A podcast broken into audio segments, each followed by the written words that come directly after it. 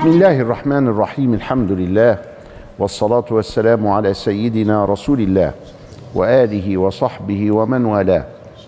مع أنوار النبي المصطفى والحبيب المجتبى صلى الله عليه وآله وسلم نعيش سويا هذه اللحظات في أنواره الشريفة ومقاماته المنيفة. وصلنا في سرد سيرته نتبارك بها إلى السنة الخامسة من الهجرة.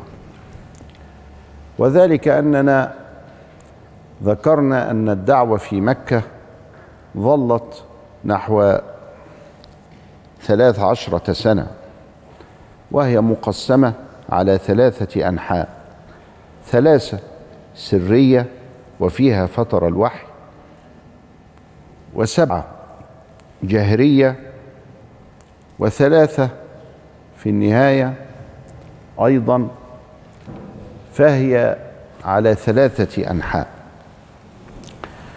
وبذلك وصلنا إلى الجهر الذي حدث بإسلام حمزة وبإسلام عمر.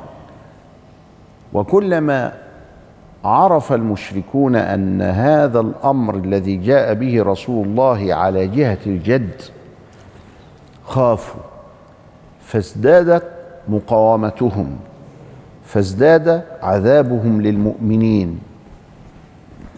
كانوا الأول يترصدون ضعفاء الخلق بلال وعمار وسمية وياسر ونحو هؤلاء الذين كانوا تحت الرق.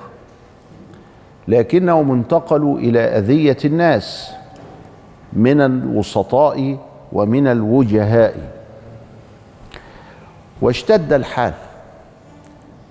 وكان النبي صلى الله عليه وسلم بما علمه ربه له من الوحي يعلم أن هناك ملكا غير مسلم لكنه كان ملكا عادلا بالحبشة. وكان اسمه أصحمة. وملك الحبشة يسمى بالنجاشي وملك اليمن يسمى تبع وملك مصر يسمى فرعون وملك الهند يسمى قيل وجمعه أقيال.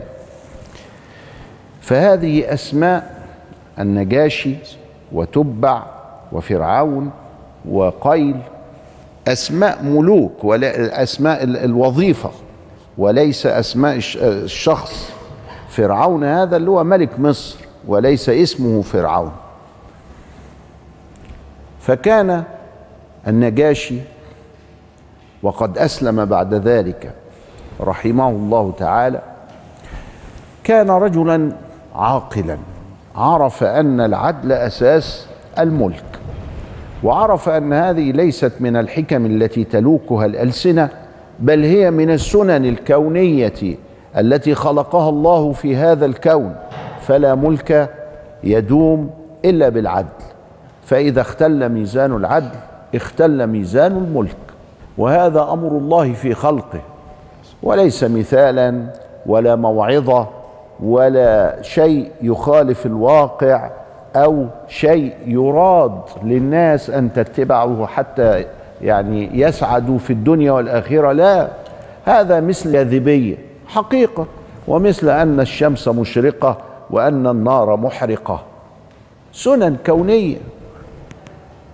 اذا هذه السنن إذا نساها الناس وأن العدل هو أساس الملك اختل ميزان المعاش والارتياش. يقولون هكذا في كتب الأقدمين اختل ميزان المعاش والارتياش. ميزان المعاش اللي هو الأمن والارتياش اللي هو الاقتصاد. الارتياش يعني تبقى مريش يبقى معاك فلوس. والمعاش إنك تعيش امنا في سربك عندك قوت يومك. برضو الإيه؟ الأمن والاقتصاد. فإذا اختل العدل سقط الملك وإذا سقط الملك يبقى سقط المعاش والارتياش. قال لهم اذهبوا إلى الحبشة. سنة أربعة بقى يعني نزلت سورة الكهف وفيها إشارة إلى الهجرة. حيث إن أصحاب الكهف هاجروا من أمام الطغيان والبغي والعدوان ففيها إشارة إلى أن السابقين تخلصوا من مشكلاتهم بالهجرة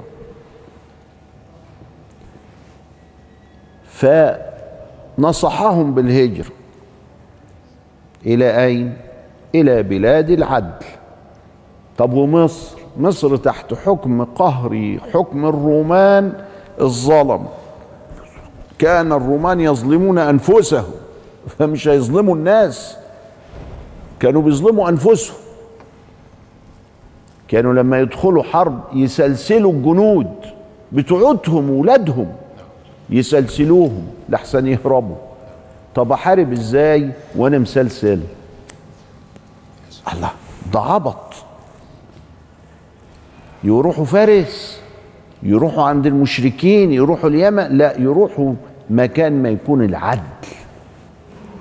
فقال لهم اذهبوا إلى الحبشة فإن فيها ملكا لا يظلم عنده أحد. آه يبقى ده رجل واعي وفاهم كيف يملك.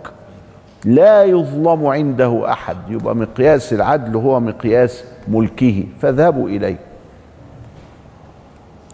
ذهب 12 واحد. وكان القائد بتاعهم سيدنا عثمان ابن عفان. سيدنا عثمان من الوجهاء مش من العبيد من الأغنياء مش من الفقراء من أصحاب اليد العليا في قريش. يهاجر ليه؟ ما هم بدأوا يؤذوه. وكان حينئذ قد تزوج بسيدة بالسيدة الفاضلة السيدة رقية بنت سيدنا صلى الله عليه وسلم عليها السلام. فهاجرت مع زوجها. أولاد الأصول كده معاها على الحلوة والمر. أولاد الأصول. فسافرت معه في 12 شخص راح.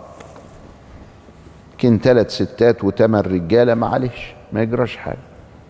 في رجب من السنة الخامسة في شهر رجب. شهر رجب ده اللي هو موافق إيه؟ اللي هو موافق شهر سبعة. وبعدين شعبان هيجي لك تمانية رمضان تسعة شوال عشر. احفظ الكلام. سبعة تمانية تسعة عشر. وهنختم ب 11 و12 القعدة والحج. معلش فأنا سافرنا إمتى؟ سافرنا في في رجب. جريوا كان فيه مينا كانت جدة لسه ما اتعملتش. اللي هي بيسموها جدة. جدة يعني ساحل البحر جدة البحر أي ساحله. والساحل بتاع البحر كده يسموه في العربي سيف. زي سيف كده بس كسرها سيف. ويسموه جدة. واخد بالك؟ جدة لسه ما نشأتش ما كانتش موجود. على بعد ستين كيلو كده جنوبا كان في حاجة اسمها الشعيب الشعيبية. والشعيبية من عندها ركبوا مركبين ربنا رزقهم بيه جايين فايتين شاوروا لهم وخدوهم معاه في المركبين. رايحين فين يا أولاد؟ قالوا لهم إحنا رايحين الحبش. الله. ده توفيق إلهي. أيوه. يجد في الأرض مراغما كثيرا وسعه ومن يهاجر في سبيل الله يجد في الأرض مراغما كثيرا وسعه يجد في الأرض مراغما كثيرا وسعه طيب. جميل. ركبوا المركبين كان وراهم قريش. اجروا ده في 12 واحد سمعنا من الأخبار بتاعتنا والمباحث والمخابرات وكذا. إنهم رايحين الحبش يجروا عشان تقبضوا عليهم. بدل ما يروحوا ويعملوا لنا مشاكل جريوا وراهم ما حصلوهمش. الله ده زي سيدنا موسى لما ربنا نجاه هو وقومه من آل فرعون وشق لهم البحر. ما هو دول جاب لهم برضو الإيه؟ المراكب على قدهم وبعد الفاصل نكمل هذه الحكاية الطيبة.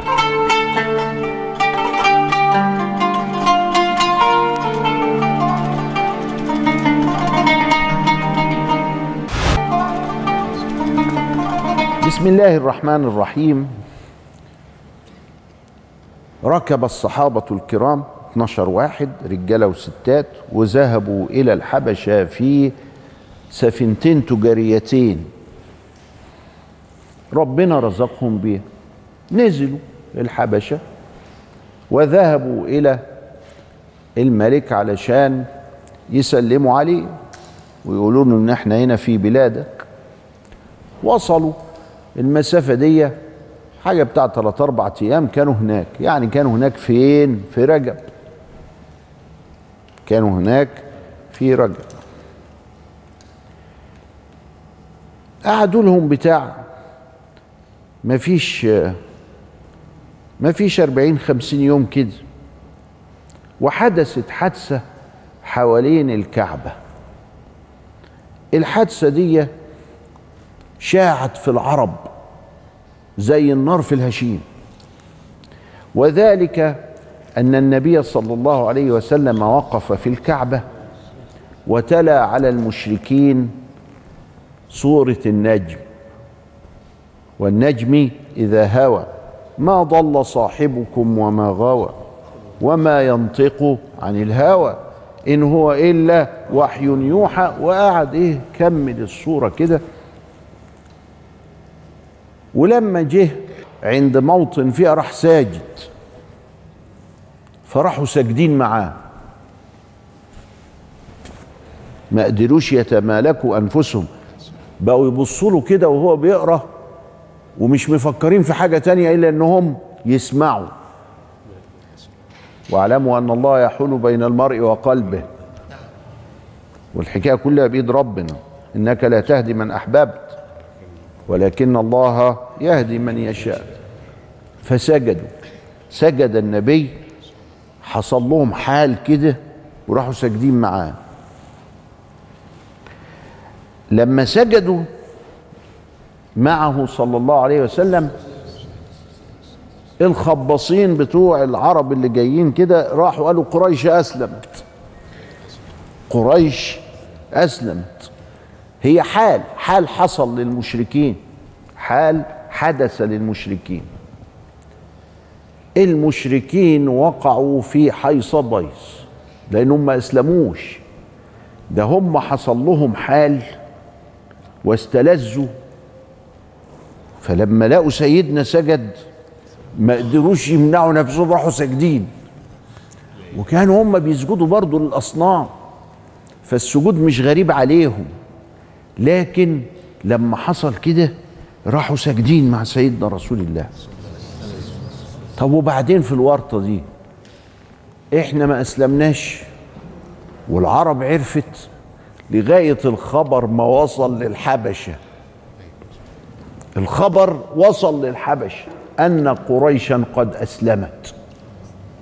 فهلل المسلمون هناك ال 12 واحد كبروا وهللوا وفرحوا إنه إزاي دول أسلموا.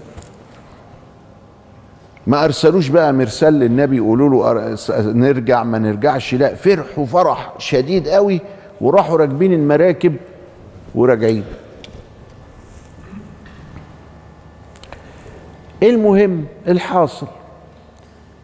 الجماعة المشركون دول لما اتغاظوا وعايزين يعملوا إشاعات مضادة قالوا لا ده هو محمد.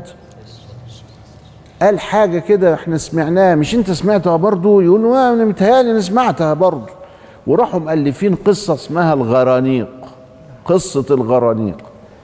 تلك هي الغرانيق العلا وإن شفاعتهن لترتاجى قال بيوصف أصنامهم. فهو لما مدح أصنامنا إحنا أسلم آه سجدنا. كله ده كذب ولا حصل غرانيق ولا حصل أي حاجة. واختلط حتى على الرواة هذه القضية. فبعضهم يقول لك ده هو آه، سمعوا والشيطان يمكن هو اللي سمعهم. إنه تلك هي الغرانيق العلا لا قصة الغرانيق قصة باطلة ولا النبي عليه السلام قال حاجة ولا آه، آه، ده تأليف من المشركين خال على بعض الرواة. ولذلك ابن حجر العسقلاني في فتح الباري يصحح القصة. أيوة هو بيصحح السجود وبيصحح دعوى المشركين بقصة الغرانيق لكن مش بيصحح وقوع ذلك فعلا من النبي بل في إنكار تام حتى إن اللي خالت عليه القصة قال إيه؟ ده الشيطان أسمعهم كده. هو الشيطان بريء من الحتة دي حتى الشيطان بريء من هذا الشيطان ملوش دعوة. ده هم اخترعوا القصة دي لما شعت بقى لما سجدوا يوصل الخبر للحبشة ومفيش تليفونات. أنت واخد بالك؟ فهم بقوا في موقف صعب. فتصحيح ابن حجر تصحيح سليم لأنه فعلا حصل سجود وفعلا حصلت إشاعة بالغرانيق بس دي إشاعة منهم هم. والجانب جانب النبوة بعض الناس ينكر يقول لك نصب المجانيق على قصة الغرانيق. إيه؟ قال لا مش معقول النبي يقول كده. آه طبعا مش معقول النبي يقول كده. ولا معقول كمان إن الشيطان يشوش عليهم. ممكن. آه صحيح. فاللي قال صحيح هو صح واللي قال دي ما هيش البتاع دي باطلة برضه صح. لأن الجزء بتاع إن الشيطان أسمعهم أو هو ده اللي باطل. وننكره. الجزء بتاع إنهم سجدوا اهو ده اللي صح. ونثبته. المهم إن الورطة اللي وقعوا فيها كانت ورطة كبيرة وطلعوا الحكاية دي. لكن قبل كده بقى قال لك يجري ورا العيال دي علشان إيه نعمله؟ العيال دول سادة الدنيا. سيدنا عثمان واللي معاه مهاجر الحبش سادة الدنيا. بعتوا وراهم مين؟ عمرو بن العاص. و والربيع. راحوا الاثنين للنجاشي فجابهم. ما هو العدل ما هو ما يسمعش من طرف واحد لازم يسمع من الطرفين. وقام جعفر بن أبي طالب وكان في ال 12 ودافع عن سيدنا النبي وعن القرآن وعن موقفنا من عيسى ومريم علي عليها السلام سيدنا عيسى صلى الله عليه وسلم وهكذا. اقتنع أصحمة اللي هو النجاشي وقال هذا والذي جاء به عيسى من مشكاة واحدة. دي جاية من حتة واحدة شم شم الحلاوة شمها. الحلاوة بتتذاق هو شمها. قال لا لا لا اطلع اجري يا جدع انت وهو ومروح مين؟ عمرو بن العاص واللي معاه ده. أسلموا هما الاثنين بعد كده. لما رجع ال 12 رجعوا في حاجة بتاعت يعني 40 50 يوم رجعوا تاني. بالرغم إنهم لاقوا هناك راحة ولاقوا كذا إلى آخره بس طبعا مفارقة الأوطان وخاصة من الأذية يعني بيبقى تعز على الواحد شوية. وعايزين يرجعوا برضو عشان سيدنا. آه. ما انت الجوار بتاع سيدنا ده برضو ما تنساهوش. فالمهم الحاصل انهم رجعوا فوجدوا الحكاية زي ما هي ولا أسلمت قريش ولا أي حاجة قدر الله فيهم نافذ. فدخل كل واحد منهم بليل في جوار أحدهم. كان عندهم نظام اسمه الجوار. الجوار معناه إن أنت في حمايتي. ودام في حمايتي يبقى مفيش حد يقرب لك. وبندخل نعلن. يا جماعة ده في جوار فلان وده في جوار علان وده في جوار تركان. الاعتداء عليه يعد اعتداء على المجير. بعد كده سيدنا خلى الجوار لأدنى المسلمين. يسعى بذمتهم أدناهم. أدنى المسلمين مين؟ شوف أنت أدنى واحد في المجتمع. في الدخل في العلم في الصحة في كذا إلى آخره وأجار أحدهم أجار أوباما مثلا خلاص يبقى أوباما مجار ويدخل في أمانة الله ليه؟ لأن حسنين أجار حسنين ده مين؟ الزبال بتاعنا هنا أجار أوباما؟ إيه أجار أوباما؟ بالله عليك لما هذا الزبال يجير أوباما مش يحس كده باحترام ويحس يعني إن هو حاجة يعني ويحس بحب الوطن ويحس بإن إحنا كده يعني يعني ما أهنهوش يعني إيه يحس كده. ولذلك الجوار ده يخلي الواحد محترم ويخلي فيه وطنية وفيه انتماء. وفيه حاجات حلوة كتير حاجة بسيطة قوي وهو يعني هيروح في أوباما فين ولا هيجي له أوباما منين؟ لكن هو القانون كده القانون بيأثر في النفس والقانون بيأثر في بناء الشخصية. ماشي بيقول يا أرضي يا أرض ما عليك أدي. وإلى لقاء آخر نستودعكم الله والسلام عليكم ورحمة الله وبركاته.